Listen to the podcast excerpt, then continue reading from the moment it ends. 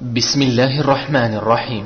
تأملات قرآنية الدرس الخامس. الحمد لله خالق الكون بما فيه وجامع الناس ليوم لا ريب فيه. واشهد أن لا إله إلا الله وحده لا شريك له. وأشهد أن سيدنا ونبينا محمدا عبده ورسوله. صلى الله عليه وعلى آله وأصحابه وعلى سائر من اقتفى أثره واتبع منهجه بإحسان إلى يوم الدين. أما بعد أيها الإخوة المؤمنون السلام عليكم ورحمة الله وبركاته. وهذا درس متواصل في تفسير كتاب الله جل وعلا وما زلنا وإياكم في سورة آل عمران وتفسير الليلة حول قول الله عز وجل لن تنالوا البر حتى تنفقوا مما تحبون إلى قوله جل وعلا ومن كفر فإن الله غني عن العالمين نقول مستعينين بالله عز وجل قال ربنا تباركت أسماؤه وجل ثناؤه. لن تنالوا البر حتى تنفقوا مما تحبون وما تنفقوا من شيء فإن الله به عليم. المعنى الإجمالي للآية أن الله جل وعلا يخبر أن معالي الأمور والجوامع لكل خير التي هي رأس كل غاية وأمل كل مؤمن لا ينال إلا بإنفاق الإنسان لأشياء يحبها. والله جل وعلا جبل القلوب على حب المال. قال سبحانه وتحبون المال حبا جما. وقال جل ذكره وإنه لحب الخير لشديد. والمال هنا ليس وقفا على النقدين الذهب والفضة وإنما المال كل ما يتمسان ويملكه من نقدين أو من أراض أو من عقار أو من غير ذلك كعروض التجارة. هذا كله يدخل تحت مسمى المال كالخيل والفرس وما أشبه ذلك مما يملكه الإنسان. فالله جل وعلا يقول إن النفوس جبلت على حب المال فإذا بلغ الإنسان مرتبة يتخلى فيها عما يحب. لشيء أعظم وهو حبه لله جل وعلا كان ذلك موصلا لطريق الخير والبر. لن تنالوا البر لن تحصلوا عليه لن تدركوه حتى تنفقوا مما تحبون أي حتى يتخلى الإنسان المحبه والتعلق بها ويصل بنفسه إلى مرحلة يتخلى عما يحب من أجل ما عند الله جل وعلا من ثواب وعطاء وجزاء. ثم قال سبحانه وما تنفقوا من شيء فإن الله به عليم. ينفقه الانسان مما عظم أو بسم الله الرحمن الرحيم. تأملات قرآنية الدرس الخامس. الحمد لله خالق الكون بما فيه وجامع الناس ليوم لا ريب فيه. واشهد أن لا إله إلا الله وحده لا شريك له. واشهد أن سيدنا ونبينا محمدا عبده ورسوله. صلى الله عليه وعلى آله وأصحابه وعلى سائر من اقتفى أثره واتبع منهجه بإحسان إلى يوم الدين. أما بعد أيها الإخوة المؤمنون السلام عليكم ورحمة الله وبركاته. وهذا درس متواصل في تفسير كتاب الله جل وعلا وما زلنا وإياكم في سورة آل عمران وتفسير الليلة حول قول الله عز وجل لن تنالوا البر حتى تنفقوا مما تحبون إلى قوله جل وعلا ومن كفر فإن الله غني عن العالمين نقول مستعينين بالله عز وجل قال ربنا تباركت أسماؤه وجل ثناؤه. لن تنالوا البر حتى تنفقوا مما تحبون وما تنفقوا من شيء فإن الله به عليم. المعنى الإجمالي للآية أن الله جل وعلا يخبر أن معالي الأمور والجوامع لكل خير التي هي رأس كل غاية وأمل كل مؤمن لا ينال إلا بإنفاق الإنسان لأشياء يحبها. والله جل وعلا جبل القلوب على حب المال. قال سبحانه وتحبون المال حبا جما. وقال جل ذكره وإنه لحب الخير لشديد والمال هنا ليس وقفا على النقدين الذهب والفضة وإنما المال كل ما يتمسان ويملكه من نقدين أو من أراض أو من عقار أو من غير ذلك كعروض التجارة. هذا كله يدخل تحت مسمى المال كالخيل والفرس وما أشبه ذلك مما يملكه الإنسان. فالله جل وعلا يقول إن النفوس جبلت على حب المال. فإذا بلغ الإنسان مرتبة يتخلى فيها عما يحب. لشيء أعظم وهو حبه لله جل وعلا كان ذلك موصلا لطريق الخير والبر. لن تنالوا البر لن تحصلوا عليه لن تدركوه حتى تنفقوا مما تحبون أي حتى يتخلى الإنسان المحبة والتعلق بها ويصل بنفسه إلى مرحلة يتخلى عما يحب من أجل ما عند الله جل وعلا من ثواب وعطاء وجزاء. ثم قال سبحانه وما تنفقوا من شيء فإن الله به عليم. ما ينفقه الانسان مما عظم أو حقر فإن الله جل وعلا يعلمه ويكتبه له إن خيرا فخير وإن كان غير ذلك فغير ذلك. هذه الآية لما نزلت كان جيل الصحابة رضي الله تعالى عنهم وأرضاهم أعظم جيل بلا شك. ناصروا نبينا صلى الله عليه وسلم وأيدوه ووقفوا معه هم شامة في جبين الأيام وتاج في مفرق الأعوام رضي الله عنهم وأرضاهم. لما نزلت هذه الآية تسابقوا رضوان الله تبارك وتعالى عليهم في الإنفاق مما يحبون ومما نقل نقلا صحيحا ما في الصحيحين من حديث أبي طلحة الأنصاري رضي الله عنه كما روى عنه أنس أن أبا طلحة هذا الصحابي الجليل كانت له نخل في مقدمة المسجد النبوي تسمى بئر بالنبر وبير بالياء بئر حاء كانت في مقدمة المسجد وكان ماؤها عذب طيب كان النبي عليه الصلاة والسلام يدخل ذلك النخل فيشرب من ذلك الماء الطيب. فلما نزلت هذه الآية عمد هذا الصحابي الجليل رضي الله عنه وأرضاه وأشهد النبي صلى الله عليه وسلم على أن هذا النخل صدقة في سبيل الله. فقبلها عليه الصلاة والسلام وقال له من باب الإرشاد اجعلها في أقربائك. فجعلها أبو طلحة بأمر النبي عليه الصلاة والسلام وإرشاده في اثنين من الأنصار هما حسان بن ثابت وأبي بن كعب وكان ذا قرابة من أبي طلحة رضي الله تعالى عنه وأرضاه. كما نقل من وجه آخر أن زيد بن حارثة الذي جاء ذكره في القرآن أحد أصحاب النبي صلى الله عليه وسلم كانت له فرس تسمى سبل وكانت أثيرة عنده مقربة لديه. فلما أنزل الله جل وعلا قوله لن تنالوا البر حتى تنفقوا مما تحبون جاء زيد رضي الله عنه إلى نبينا صلى الله عليه وسلم وقال يا نبي الله إن فرسي سبل أحب مالي إلي وقد أشهدتك أني جعلتها صدقة في سبيل الله وأعطاها النبي عليه الصلاة والسلام ليتصدق بها. فدعا النبي عليه الصلاة والسلام أسامة ابن زيد وأعطاه الفرس. فلما أعطاه الفرس قال اقبضه يا أسامة تغير وجه زيد لأنه ما كان يريد أن يأخذها ولده. حتى يشعر أنه أنفق بعيدا. فلما رأى النبي صلى الله عليه وسلم تغير وجه زيد قال يا زيد إن الله جل وعلا قد قبل صدقتك منك. إن الله جل وعلا قد قبل صدقتك منك. موضع الشاهد أن المقصود إخراج حب المال من القلوب. أين يقع المال؟ مسألة لا تهم. إذا اجتهد الإنسان وبذل جهده. قد يقع في قرابة قد يقع في غير قرابة يجتهد الإنسان. مأمور أن يجتهد. أين يضع ماله؟ لكن المهم إخراج الدنيا من القلوب وليس معنى ذلك أن يأتي الإنسان لشيء يتقوت به وينفق به على عياله ولا يملك غيره ثم ينفقه كما نسمع بين الحين والآخر فإن هذا قد يكون في بعض الأحايين مخالف للصواب. قال الله جل وعلا ولا تجعل يدك مغلولة إلى عنقك ولا تبسطها كل البسط فتقعد ملوما محسورا. إن ربك يبسط الرزق لمن يشاء ويقدر إنه كان بعباده خبيرا بصيرا. فالإنفاق ينفق الإنسان من أحب ما لديه نعم لكن ينظر الإنسان نظرة توازن في أهله وذويه وأبناء لهم حق عليه والناس في هذا يختلفون. يختلفون اختلافا جذريا. ليس معنى أنهم يختلفون في الإيمان نعم كذلك لكن في هذا الشأن لا. إنما يختلفون في قضية أن الإنسان من الناس من يستطيع أن يعوض ومن الناس من لا يستطيع أن أن يعوض. بمعنى ولو ذهب يقترض لا يقرضه أحد.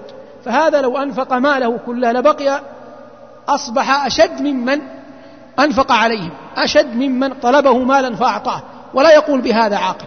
لكن يوجد إنسان له جاه له قدرة أن يستدين يحبه الناس معروف إمام مسجد خطيب مدير موظف كبير هذا لو أعطى ماله كله يستطيع أن يعوضه. رجل تاجر حتى لو أنفق اليوم كله غدا يكسب شيئا آخر. على هذا يحمل ما فعل الصحابة. لا يأتي إنسان يقول أبو بكر أنفق ماله كله. نعم أبو بكر أنفق ماله كله لكن أبا بكر كان تاجرا فينفق اليوم يعوضه غدا. لكن لا تأتي لإنسان كما نسمع أحيانا في بعض الحملات التي لبعض المناسبات كالحملة الانتفاضة أو غيرها يأتي إنسان وسمعت هذا بأذني يأتي إنسان لا يملك إلا السيارة التي تنقل عليها الماء يسميها العام موائد فلما تبرع بها قال يعلم الله أنني لا أملك غيرها. وبها أقتات لأبنائي ثم قال جعلتها لله في سبيل الله. هذا ليس ليس بحق وليس برشد وليس بعقل. نسأل الله أن يتقبل منه نعم. لكن هذا أمر لا يقبل. لماذا؟ لأن النبي عليه الصلاة والسلام قال كفى بالمرء إثما أن يضيع من يقوت. كفى بالمرء إثما أن يضيع من يقوت هذا الرجل إذا أمسى وأبناؤه لا يجدون طعاما وبناته في ظل هذا الزمن الذي يحتاج الناس فيه إلى النار والدرهم كره أبناؤه الدين لأنهم يشعرون أن الدين هو السبب في إنفاق المال كله. المقصود أن الإنسان يتبع السنة بفهم لماذا؟ بفهم للسنة لا بفهمه هو. لكن كما فهمها الصحابة أبو طلحة رضي الله عنه رجل غني رجل ثري من ماله المحبب إليه مزرعة بجوار المسجد. أحب ماله إليه معنى أن ماله كثير لكن هذا أحب ماله إليه. كإنسان مثلا عنده مزرعة وعنده قصر أفراح وعنده عمائر وعنده أبناء يقوتهم فأحب إليه المزرعة. أو قصر الأفراح تصدق بقصر الأفراح تصدق بالبناية تصدق بالمزرعة هذا طبق السنة. أما يأتي إنسان وقد يعني يمر علينا من مخالطتنا للناس يأتي شاب لا يملك ولا شيء لا يملك إلا راتبه وقد يأتيه الراتب أحيانا أو موظف في شركة مرة يثبت مرة لا يثبت ثم يأتي يقول أنفقت مالي كله لمؤسسة كذا أو لجمعية كذا أو لسبب كذا. هذا يا بني الإنسان يكون راشدا عاقلا لا يتكلف مفقود ولا يرد موجود. يمشي بالخطى والله أعلم بما في صدور العالمين. ولا حاجة لأن يرى الناس ماذا تصنع. نقول عموما أن الإنفاق من أعظم أسباب حصول الخير. لكن كما قلت بضوابطه الشرعية. وكلما كان في السر كان أبلغ وأعظم. قال عليه الصلاة والسلام لما ذكر السبعة ورجل تصدق بصدقة فأخفاها حتى لا تعلم شماله ما تنفق يمينه. وليست العبرة بالكثرة بقدر ما العبرة أن يصيب مال الإنسان ذا فاقة يحتاجها. وكلما كان ذا قرابة كان أولى وأحرى. لأن النبي عليه الصلاة والسلام أمر أبا طلحة أن يضعها في قرابته فوضعها كما بينا عند حسان وعند أبي بن كعب رضي الله تعالى عنهم أجمعين. هذا المعنى الإجمالي للآية. أما ما يتعلق به علميا فإن لن حرف ناصب يفيد نفي المستقبل كما أن لم حرف جازم يفيد نفي الزمن الماضي. وأنت طالب علم ستمر عليك لن ولم كثيرا. لن ينفى بها المستقبل ولم ينفى بها الماضي. وكلاهما يؤثر في الفعل بعدها فلن تنصبه ولم تجزمه لن تنصب الفعل ولم تجزمه. وإذا طبقت على الآية الله يقول لن تنالوا أصل الفعل تنالون بنون زائدة في آخر الفعل. لا تسمى نون علامة ثبوت النون للأفعال الخمسة. لما دخلت لن حذفت النون فأصبحت لن تنالوا بدون نون ثم توضع ألف للدلالة على أن هذه الواو واو الجماعة. لن تنالوا البر. اختلف العلماء في المقصود بالبر. قيل إنه الجنة. وهذا رأي ابن مسعود وابن عباس والسدي وغيرهم من أئمة التفسير. قيل إنه الجنة. إذا قلنا إنه الجنة يصبح تقدير الآية لن تنالوا ثواب البر. إذا قلنا إن البر هنا هو الجنة يصبح المعنى لن تنالوا ثواب البر الذي هو الجنة. فوضع المقدر مكان ما قدر به. وقيل إن البر اسم جامع لكل خير واختاره ابن سعدي في تفسيره على أن المعنى أن يصل الإنسان إلى الاسم الجامع لكل خير. والغاية أن يقال إن البر سواء قلنا إنه الجنة أو الطريق إلى الجنة فالمعنى متقارب لأن النبي عليه الصلاة والسلام لما ذكر الصدق قال وإن الصدق يهدي إلى البر وإن البر يهدي إلى الجنة. لن تنالوا البر حتى تنفقوا مما تحبون. حتى هذه يقول عنها بعض النحاة. النحاة معروفين جمع نحوي وهو المشتغلون بعلم النحو. سيبويه وأقرانه أحد النحاة قال قبل أن يموت قال أموت وفي نفسي شيء من حتى. أموت وفي نفسي شيء من حتى. والمعنى أن حتى حرف غريب في تأثيره فيما بعده. وذلك أنه لما نظروا إلى الأحرف وجدوا أن عملها واضح جلي. بعضها ينصب بعضها يجزم بعضها عطف. بعضها استئناف لها طرائق. أما جاءوا عند حتى وجدوا أنها تقبل تقبل الجميع ويمثلون وأنا قلت مضطر أتكلم كهكذا لأنك ستفسر القرآن بعدنا. بمعنى لابد أن تتضح معك الطرق. يقولون مثلا أكلت السمكة هذا أكلت فعل فاعل والسمكة مفعول به. حتى جئنا لحتى. بعدها تأتي رأسها. قالوا إن قلت أكلت السمكة حتى رأسها بالرفع صح. وإن قلت أكلت السمكة حتى رأسها بالنصب صح. وإن قلت أكلت السمكة حتى رأسها بالجر صح. وهذا الذي أشكل على النحاة وقال قائلهم أموت وفي نفسي شيء من حتى. فعلى القول أكلت السمكة حتى رأسها تصبح حتى حرف استئناف. ويصبح المعنى أكلت السمكة حتى رأسها أكلت فتعرب رأسها مبتدأ وأكلت المقدر المحذوف خبر. وإن قلت أكلت السمكة حتى رأسها بالنصب جعلت حتى حرف عطف فعطفت كلمة رأس على كلمة السمكة. وإن قلت أكلت السمكة حتى رأسها بالجر جعلت حتى حرف جر وما بعدها اسم مجرور. حتى تنفقوا مما تحبون وما تنفقوا من شيء فإن الله به عليم. وهذا إحدى معاني ما. وقلنا فيما سبق إن ما تتكرر في القرآن ولها بحسب سياقها معان عدة. تأتي قلنا نافية وتأتي استفهامية هنا أتت شرطية هنا شرطية. ما تنفقوا من شيء فإن الله به عليم. إذن الجملة جملة جملة شرط. ما تنفقوا من شيء فإن الله به عليم جملة شرط. أداة الشرط ما؟ وفعل الشرط تنفق وجواب الشرط الجملة الإسمية فإن الله به عليم. على هذا الفاء في قول الله فإن الله به عليم واقعة في جواب واقعة في جواب الشرط. ثم قال سبحانه كل الطعام كان حلا لبني إسرائيل إلا ما حرم إسرائيل على نفسه من قبل أن تنزل التوراة. قل فأتوا بالتوراة فاتلوها إن كنتم صادقين.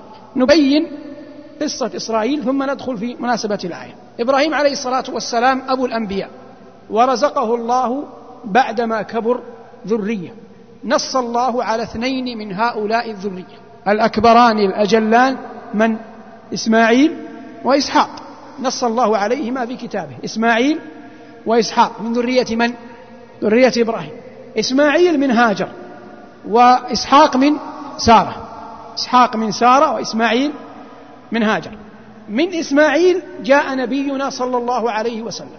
من إسماعيل جاء نبينا صلى الله عليه وسلم. ومن إسحاق جاء يعقوب. جاء من؟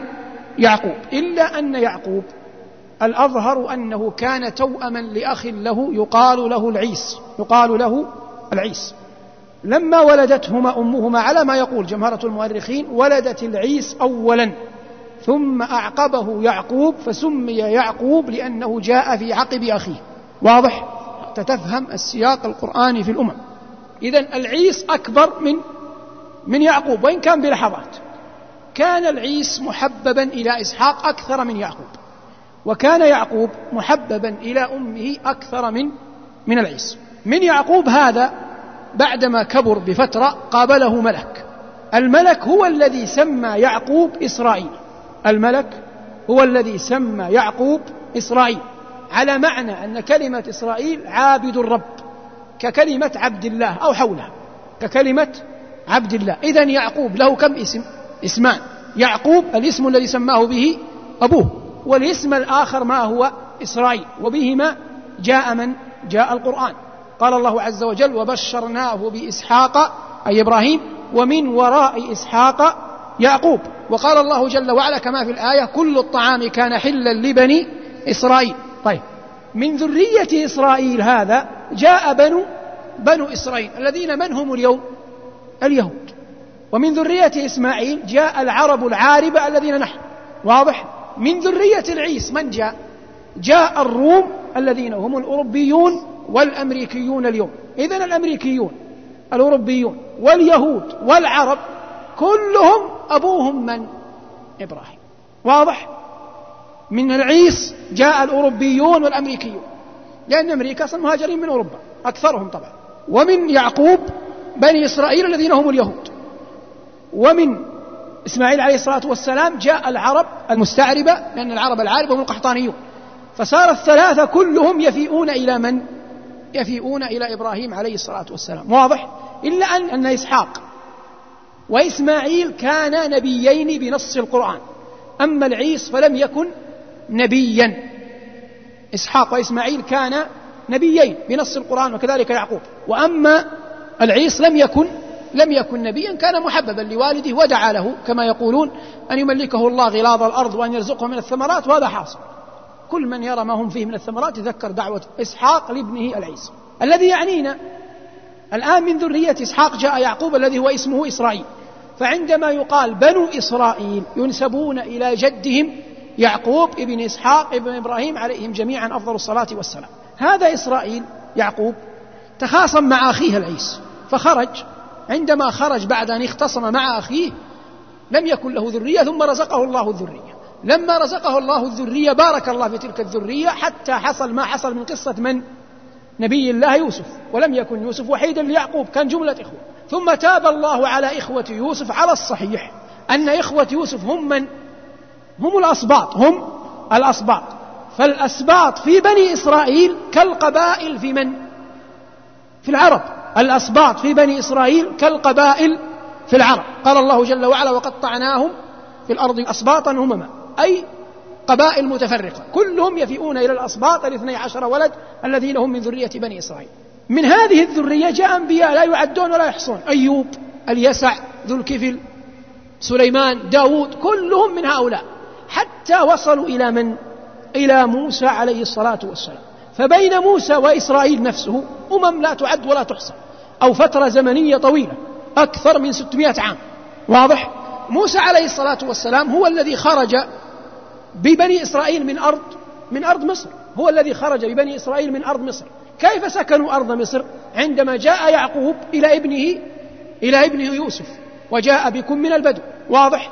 أنا أريد أن أصل إلى قضية وهي قضية أنه في مسافة زمنية طويلة ما بين إسرائيل وبين من؟ وبين موسى. التوراة على من أنزلت؟ على موسى. التوراة على من أنزلت؟ على موسى. الآن نأتي للآية الله يقول كل الطعام كان حلا لبني إسرائيل إلا ما حرم إسرائيل على نفسه. اختلف في سببها لكن جملة يقال إن اليهود تقول للنبي صلى الله عليه وسلم إن النسخ هذا شيء باطل. مو معقول أن تأتي تنسخ شريعة موسى وشريعة عيسى وتقول أنا أتيت بشريعة جديدة. وقالوا إنك تقول إن الله جل وعلا حرم علينا لأن الله قال في القرآن فبظلم من الذين هادوا حرمنا عليهم طيبات أحلت لهم وبصدهم عن سبيل الله كثيرا. سورة النساء أظنها آية 160 وجاء عنه قال الله جل وعلا في الأنعام قال وعلى الذين هادوا حرمنا كل ذي ظفر ومن البقر والغنم حرمنا عليهم شحومهما إلا ما حملت ظهورهما أو الحوايا أو ما اختلط بعظم ذلك جزيناهم ببغيهم وإن لصادقون. في الأنعام. فقالوا أنت تقول هذا الكلام وهم يقولون وناقر الكفر ليس بكافر يقولون لنبينا صلى الله عليه وسلم قولك هذا كذب. هذه الأشياء محرمة علينا منذ إسرائيل بل هي محرمة منذ نوح ومن؟ وإبراهيم. محرمة منذ نوح وإبراهيم. هذا زعم اليهود. هنا الله جل وعلا يقول القول الفصل. لذلك الله قال بعد قل صدق الله. الله يقول لهم إن الطعام كله كان مباحا طيبا ليعقوب. إلا جزئية بسيطة لم يحرمها الله. من الذي حرمها؟ حرمها يعقوب على نفسه. لماذا حرمها؟ لم يذكر الله لماذا حرمها لكن ورد في السنن وفي الآثار أن يعقوب عليه السلام اشتكى عرق النساء مرض معروف. فلما اشتكى عرق النساء نذر إن الله إن شفاه من عرق النساء أن يحرم على نفسه أحب شيء إليه. فكان يحب لحوم الإبل وألبانها فلما شفاه الله حرم على نفسه لحوم الإبل وألبانها. إذا تحريم يعقوب على نفسه لحوم الإبل وألبانها كان بماذا؟ باجتهاد شخصي منه ولم يحرم الله على إسرائيل ولا من بعده شيئا من الطعام إنما حرمه على قوم من؟ على قوم موسى لما بغوا حرم الله عليهم ما ذكره الله جل وعلا لنبيه واضح؟ فالنبي عليه الصلاة والسلام يقول عن ربه قل يقول كل وهي من ألفاظ العموم في القرآن كل الطعام أي مطعوم كان حلا أي حلالا جاء منصوبا لأنه خبر كان. كان حلا لبني إسرائيل. كذبتم فيما تزعمون. إلا ما حرم إسرائيل على نفسه. قلنا ألبان الإبل ولحومها لأمر عارض قل فأتوا بالتوراة فاتلوها. إذا أتيتم بالتوراة فتجدون فيها أن الله لم يحرم على إسرائيل شيئا. لأن التوراة أنزلت في عهد من؟ في عهد موسى. وإنما المحرم فيها ما حرمه الله على بني إسرائيل. وفق ما نصه الله جل وعلا في ماذا؟ في كتابه. قال الله بعد قل فأتوا بالتوراة فاتلوها إن كنتم صادقين وهذا منتهى التحدي ولم يأتوا بالتوراة وإنما بهتوا وألجموا ولم يقبلوا أن يعرضوها على النبي صلى الله عليه وسلم. قل فأتوا بالتوراة فاتلوها إن كنتم صادقين. ثم قال الله جل وعلا هذا قول فصل. وهذا كلام رب العالمين لا يقبل الرد. فمن افترى على الله الكذب من بعد ذلك أي من قال وتزعم كذبا بعد أن بينه الله فأولئك هم الظالمون وقطعا هم ظالمون لأنه قد ظلم نفسه وجاوز حده وافترى على الله من رد على الله جل وعلا كلامه وكذب قوله لذلك قال الله بعدها قل صدق الله. عندما يقول الله قل صدق الله يأتي إنسان في هذه يقول صدق الله قل يا أيها الكافرون قل هو الله أحد قل أعوذ برب الفلق يأتي سؤال. لماذا الرسول صلى الله عليه وسلم قرأها قل صدق الله؟ كان مفروض يقول صدق الله. قل يا أيها الكافرون نقرأها.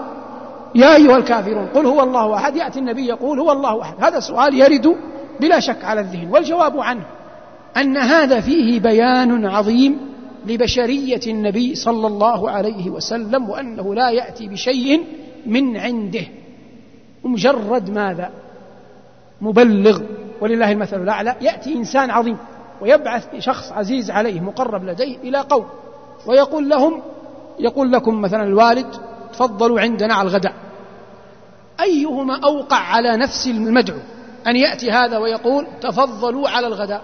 عندما يقول تفضلوا على الغداء يأتي في قلوب الناس شك. هل الدعوة من الولد أو من أو من الوالد؟ لكن عندما يقول يقول يقول والدي تفضلوا على الغداء يعرف أن هذا الإبن ليس له إلا إلا البلاغ. مبلغ كما أمر. فعندما ينطق يقول الله جل وعلا قل صدق الله وينقلها النبي صلى الله عليه وسلم بيان أن هذا بشر لا علاقة له بالأمر والنهي. الأمر والنهي والبلاغ من عند من؟ من عند الله وإنما النبي عليه الصلاة والسلام ليس أكثر من مبلغ بشيرا ونذيرا لقوم يؤمنون. قل صدق الله. صدق الله في ماذا؟ بلا شك صدق الله في كل ما في كل ما يقول. لكنها هنا تبنى على خصوص وعموم. تبنى على خصوص وعموم. تبنى على خصوص. قل صدق الله. في قوله كل الطعام كان حلا لبني إسرائيل. وتبنى على العموم أن الله صادق في كل ما يقول. ولذلك عبد الله بن مسعود رضي الله عنه صحابي يكن بأبي عبد الرحمن إذا حدث غالبا يقول أخبرني الصادق المصدوق أو يقول سمعت الصادق المصدوق صلى الله عليه وسلم. كما في الصحيحين من حديث الخلق النطفة والعلقة. فقوله صادق صادق فيما يقول مصدوق فيما يقال له. فالنبي عليه الصلاة والسلام صادق فيما يقول مصدوق فيما يقول له. وعليه الصلاة والسلام لما بعث عليا وجمعا من الصحابة إلى روضة خاخ عندما يدرك الخطاب الذي بعثه حاطب بن بلتعة مع الجارية مع المرأة لتبعث به إلى كفار مكة بعث النبي عليه الصلاة والسلام عليا والمقداد وجمعا من الصحابة قال ائتوا رتخاخ تجدون فيها امرأة معها كتاب من حاطب إلى قريش ائتوني بالكتاب. لما ذهب علي رضي الله عنه وقبض على المرأة المرأة أنكرت. فقال علي والله ما كذبنا ولا كذبنا ما كذبنا ولا كذبنا يعني نحن ما افترينا على الرسول إن الرسول قال هذا الكلام. والرسول لا يمكن أن يكذب علينا ويقول لنا إن معك كتابا وليس معك كتاب. تأملات قرآنية. هذا معناه ما كذبنا ولا كذبنا قل صدق الله. فلما ظهر الصدق لم يبق إلا الاتباع. لما ظهر الصدق لم يبق إلا الاتباع. قال الله جل وعلا قل صدق الله فاتبعوا ملة إبراهيم حنيفا والخطاب لليهود على وجه الخصوص وعلى كل من يقرأ القرآن ويصله البلاغ على وجه العموم.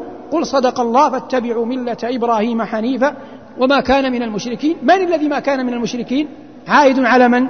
عائد على إبراهيم. ولماذا جاء به؟ قلنا في سياق سابق إن الله جل وعلا نزه إبراهيم عن كل إثم. لأن جميع الأمم ادعت أن إبراهيم منها تنتسب إليه ولذلك قال الله فيما مر معنا ما كان إبراهيم يهوديا ولا نصرانيا ولكن كان حنيفا مسلما وما كان مشركين. كما جاء في هنا في الآية قل صدق الله فاتبعوا ملة إبراهيم حنيفا وما كان من المشركين. يتحقق من هذا كله أمور بيناها فيما سبق ونربطها فيما لحق أن هذه السورة سورة آل عمران لها علاقة قوية بماذا؟ باليهود. فأغلبها رد مزاعم اليهود. فكل ما زعمه اليهود يفنده الله جل وعلا ويبين صلى الله عليه وسلم مكمن الصواب. تحرر من هذا كله أن بني إسرائيل وبني إسماعيل وبني العيس كلهم يفيئون إلى رجل واحد هو من؟ هو إبراهيم وما يزال الناس بعد ذلك يلتقون في سام وحام ويافث ثلاثة أبناء نوح ثم يلتقون في نوح ثم يلتقون في الاثني عشر رجلا الذين كانوا مع نوح ثم يلتقون في من؟ في أبيهم. في أبيهم آدم ولهذا عنصر التفضيل القبلي مرفوض وإنما كما قال الله جل وعلا إن أكرمكم عند الله أتقاكم كلكم لآدم وآدم من تراب. ثم قال جل ذكره إن أول بيت وضع للناس للذي ببكة مباركا وهدى للعالمين فيه آيات بينات مقام إبراهيم ومن دخله كان آمنا. ولله على الناس حج البيت من استطاع إليه سبيلا ومن كفر فإن الله غني عن العالمين. إن أول بيت وضع للناس للذي بكة وضع لماذا؟ وضع للعبادة وإلا البيوت قديمة وليس الكلام عنها سواء كانت قديمة أو حديثة. وإنما يتكلم الله جل وعلا عن أول بيت وضع للعبادة.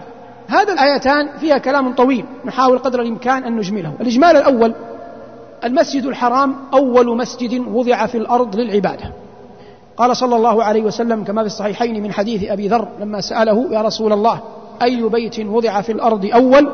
قال المسجد الحرام. قال ثم أي؟ قال المسجد الأقصى أو بيت المقدس. قال كم بينهما؟ قال أربعون سنة. من الذي قال بينهما أربعون سنة؟ الرسول صلى الله عليه وسلم. أي بالعقل. من المشهور الذي بنى بيت المقدس هو سليمان بن داود. والمشهور الذي بنى البيت الحرام من؟ إبراهيم. إذا أخذنا بهذا المشهور هل يتفق الحديث مع الآية؟ ما يمكن يتفق. لا يمكن يتفق مع ما بينا. لأن بين إبراهيم وسليمان ثلاثة قرون تقريبا. بين إبراهيم وسليمان ثلاثة قرون. والنبي عليه الصلاة والسلام يقول كم بين وضعهما؟ أربعون سنة. إذا الصحيح إن شاء الله أن أول من وضع البيت آدم عليه السلام هو الذي وضع الكعبة وهو الذي وضع بيت المقدس. ولا يمكن أن ينطبق الحديث إلا على آدم. لا يمكن أن ينطبق الحديث إلا على من؟ على آدم. فيصبح الكلام أن الله جل وعلا أمر آدم أو ملائكة قبل أن تبني الكعبة.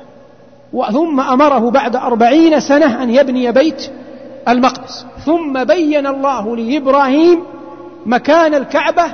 ولذلك قال الله وإذ بوأنا لإبراهيم. مكان الكعبة فأعاد بنيانها.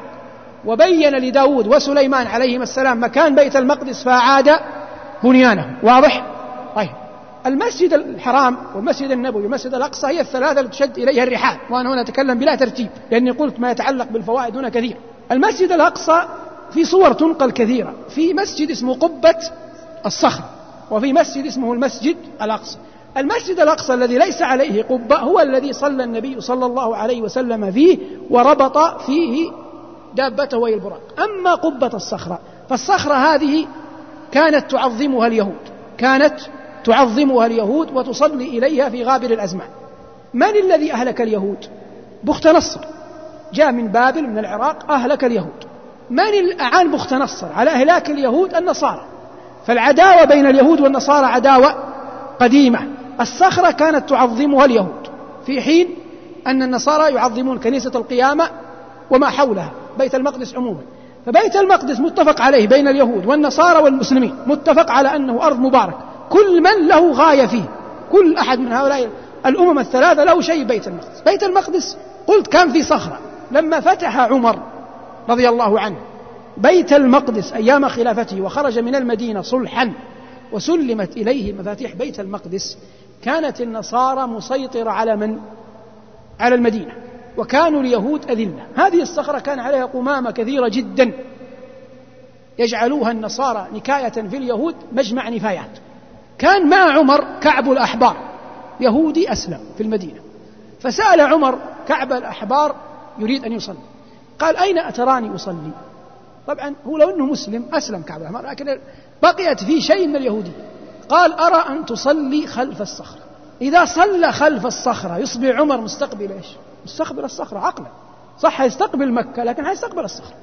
فقال له عمر ما فرقتك يهوديتك؟ تريدني أن أستقبل الصخرة حتى يرتفع شأن اليهود؟ فتقدم وجعل الصخرة ماذا؟ جعل الصخرة خلفه. وهو يعلم عمر أن الصخرة معظمة وأخذ يمسح النفايات عنها. لكنه لم يرد أن يصلي ويجعلها في قبلته حتى لا تفتخر بها اليهود. فالصخرة في بيت المقدس وبيت المقدس كله مبارك بلا شك. لكن عمر لم يرد أن يجعل للصخرة خصوصية تزيد على خصوصية المسجد فتقدم وصلى وجعل الصخرة خلفه. خلاص؟ بقيت الصخرة على هذا الحال. حتى كان عبد الملك بن مروان الخليفة الأموي. الخليفة الأموي من الذي نازع عبد الملك الخلافة؟ عبد الله بن الزبير. أين كان عبد الله بن الزبير؟ في مكة. العرب تحج إلى أين؟ إلى مكة. يلتقون بابن الزبير. السياسة لا تدخل في شيء إلا أفسدته. ولذلك العاقل آراء السياسيين هذه حتى لو كان أتقى خلق الله خليها على جنب. حتى لو كان أتقى خلق الله خليها جنب لا تكن إمعة كل من يحمل راية سياسية تعتقد أنها راية دينية.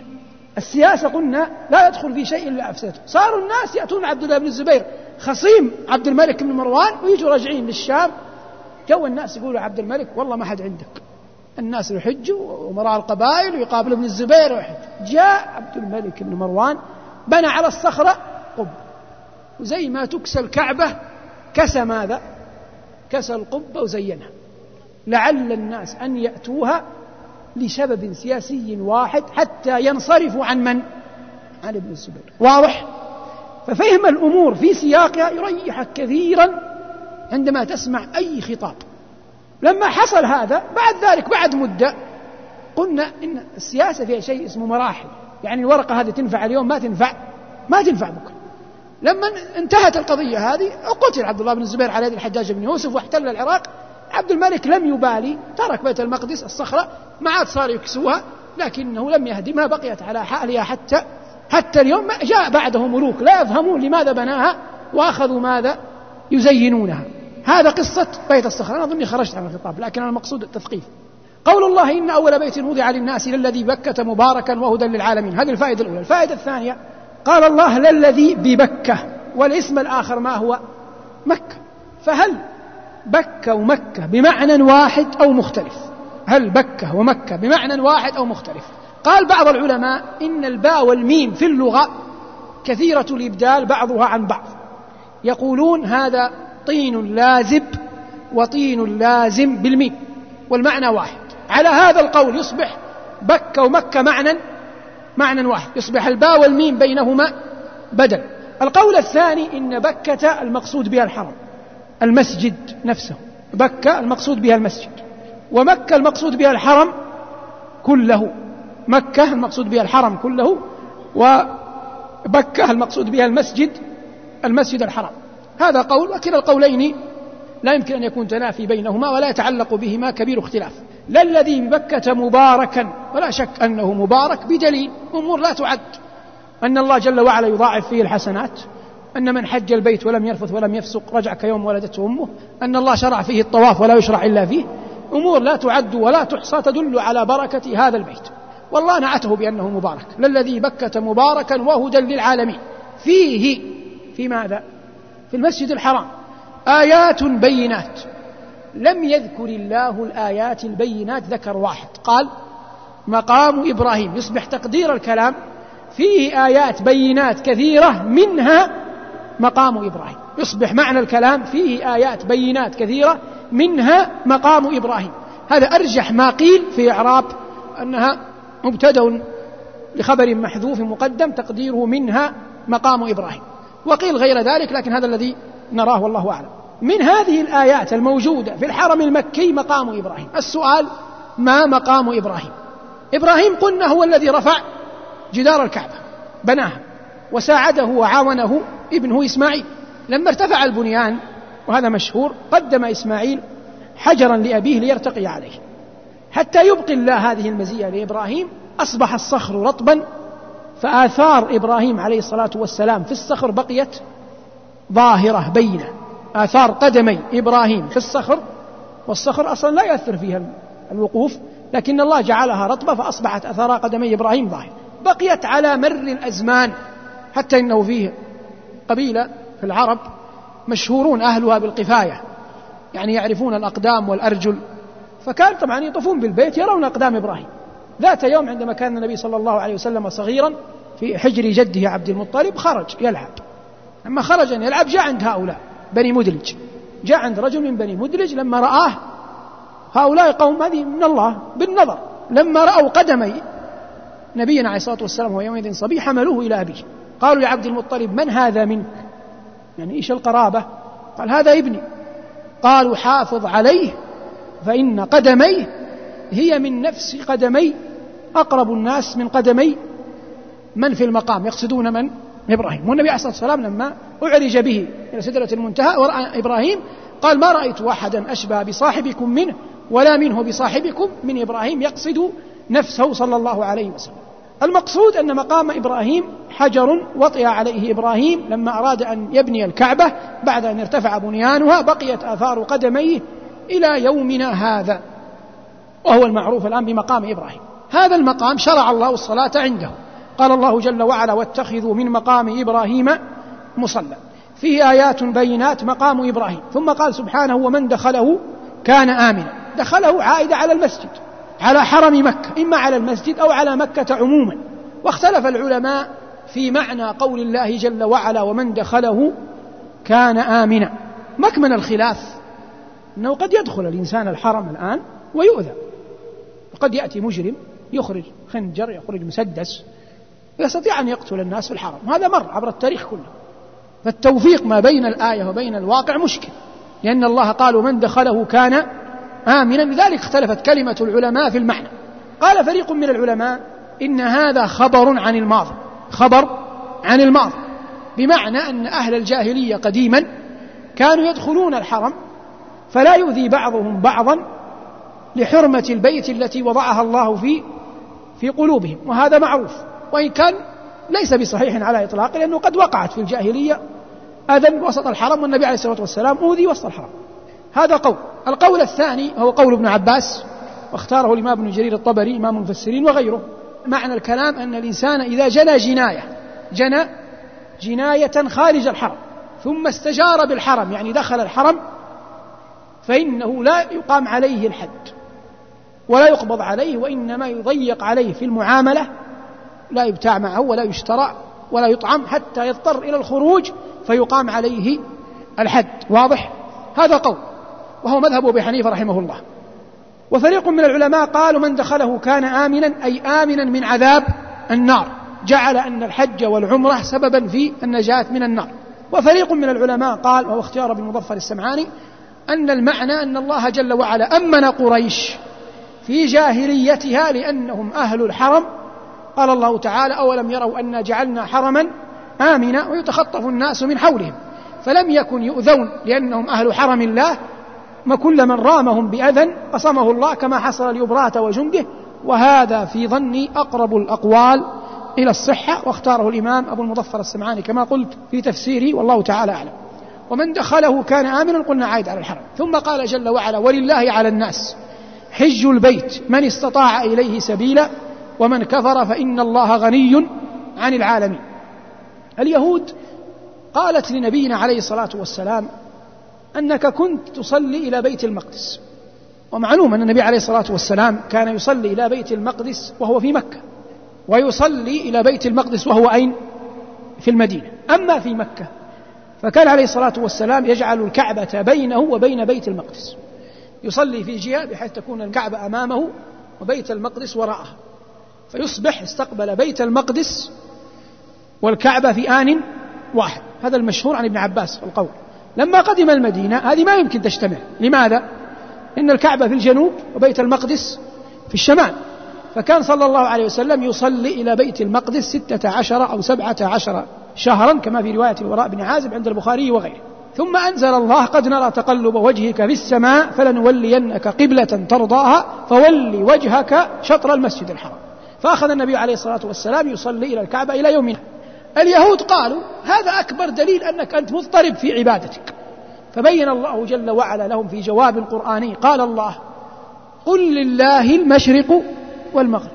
كل الجهات ملك لمن؟ ملك لله. والله جل وعلا يختص منها ما يشاء ويتعبد عباده بما يريد. حتى لو تعبدهم كل شهر لجهة هو ربهم وهم عبيده والجهات جهاته والملك ملكه. وليس لليهود ولا لغيرهم قول ولا برهان. قل لله المشرق والمغرب يهدي من يشاء إلى صراط مستقيم. فالله جل وعلا ابتلاء للناس واختبارا وتمحيصا أمر نبيه أن يصلي لبيت المقدس وهو يعلم جل وعلا ازلا أنه سينقلهم إلى الكعبة. في هذه الفترة يمحص الله جل وعلا عباده ويبتلي خلقه من يثبت من لا يثبت كما قال الله جل وعلا وإنها لكبيرة إلا على الذين هدى الله. أي هذا الأمر عظيم.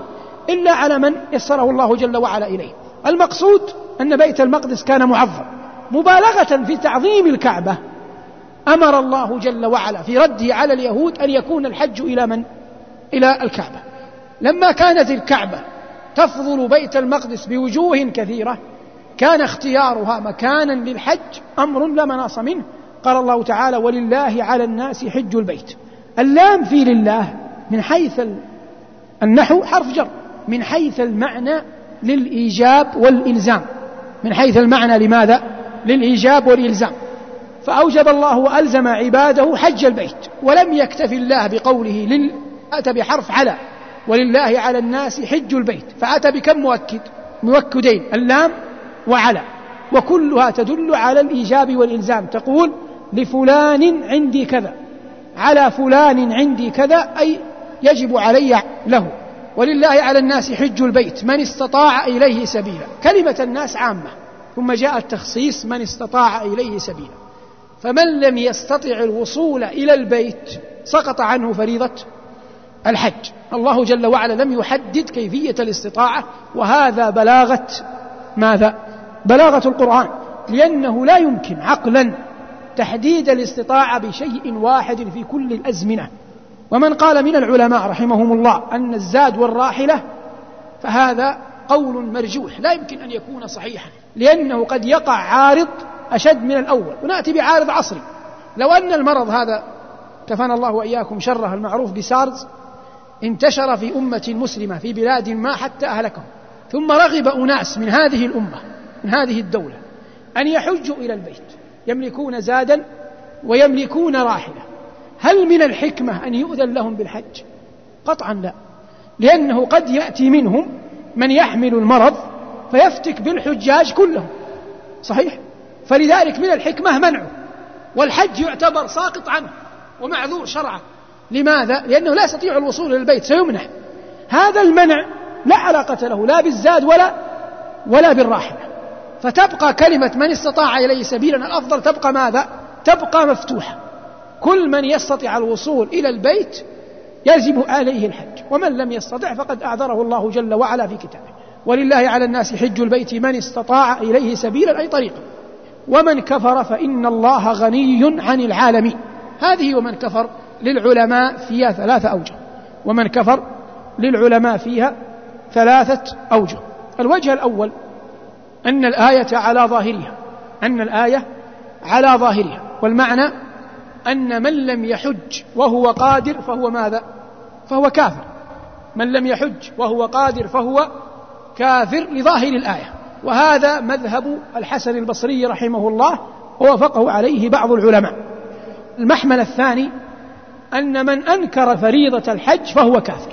أن من أنكر فريضة الحج فهو كافر وهذا قول ابن عباس رضي الله عنه وعليه جماهير العلماء.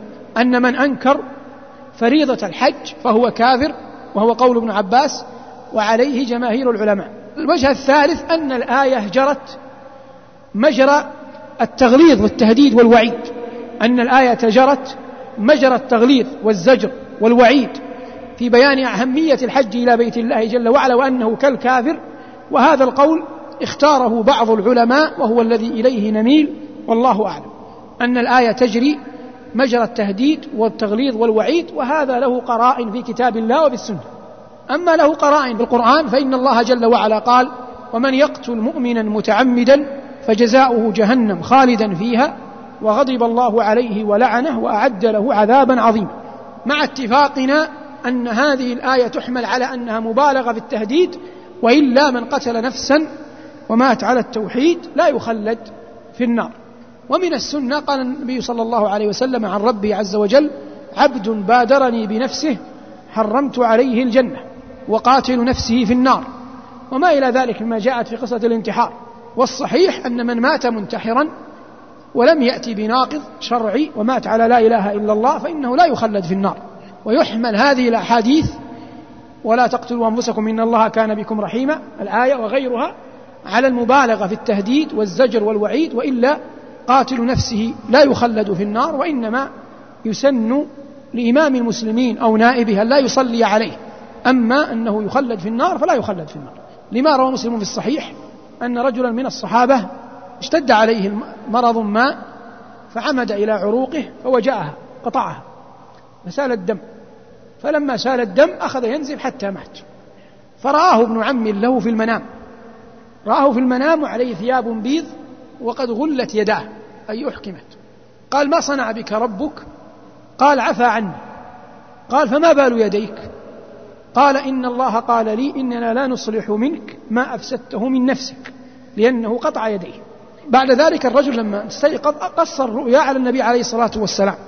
فقال النبي عليه الصلاة والسلام اللهم وليديه فاغفر اللهم وليديه فاغفر اللهم وليديه اغفر قالها ثلاثة.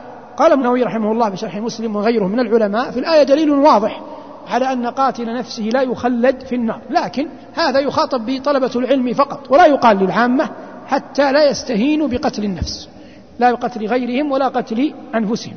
وطالب العلم ينبغي أن يفرق ما بين الخطاب إلى العامة والخطاب إلى طلبة العلم وبيان الحكم الشرعي غير الوعظ. ولذلك لم تقرأ في كتب ابن قدامة أو غيره من أئمة الدين الفقهاء لا يتكلمون مع بعضهم اتق الله وخاف الله واخشى الله. هذا كلام وعظ ليس علاقة له بالأحكام الشرعية. وعندما يتكلم في الوعظ لا يتكلم عن تفصيلات اختلافات العلماء. واضح؟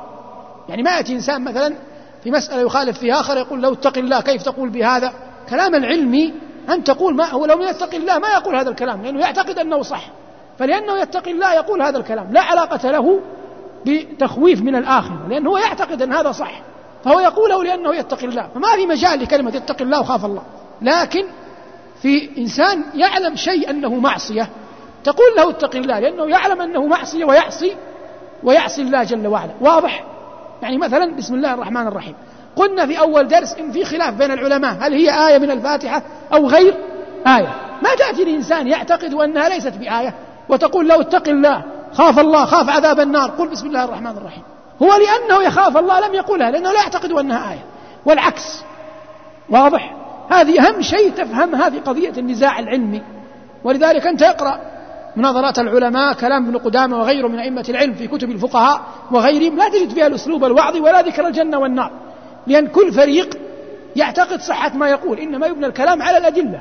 كل مين يحاج الآخر بالأدلة. فلذلك يعني يشتهر ما بين صغار طلبة العلم تقول له ما رأيك في فلان؟ يقول هذا ما يخاف الله. لماذا ما يخاف الله؟ يفتي بكذا وكذا وكذا ويقول بكذا. هذا ليس كلام رجل عاقل. لأنه لأنه يخاف الله يقول ما يعتقده. فهمتم؟ وهذه أهم ما في الدرس. وإلا لو طبقت هذا الكلام الذي يتناقله اليوم البعض لو طبق على الصحابة لهلكنا جميعا. فإن الصحابة رضي الله تعالى عنهم كانوا يتبادلون الرأي. ويقول كل منهم بقول ما يأتي إنسان لآخر يقول اتق الله.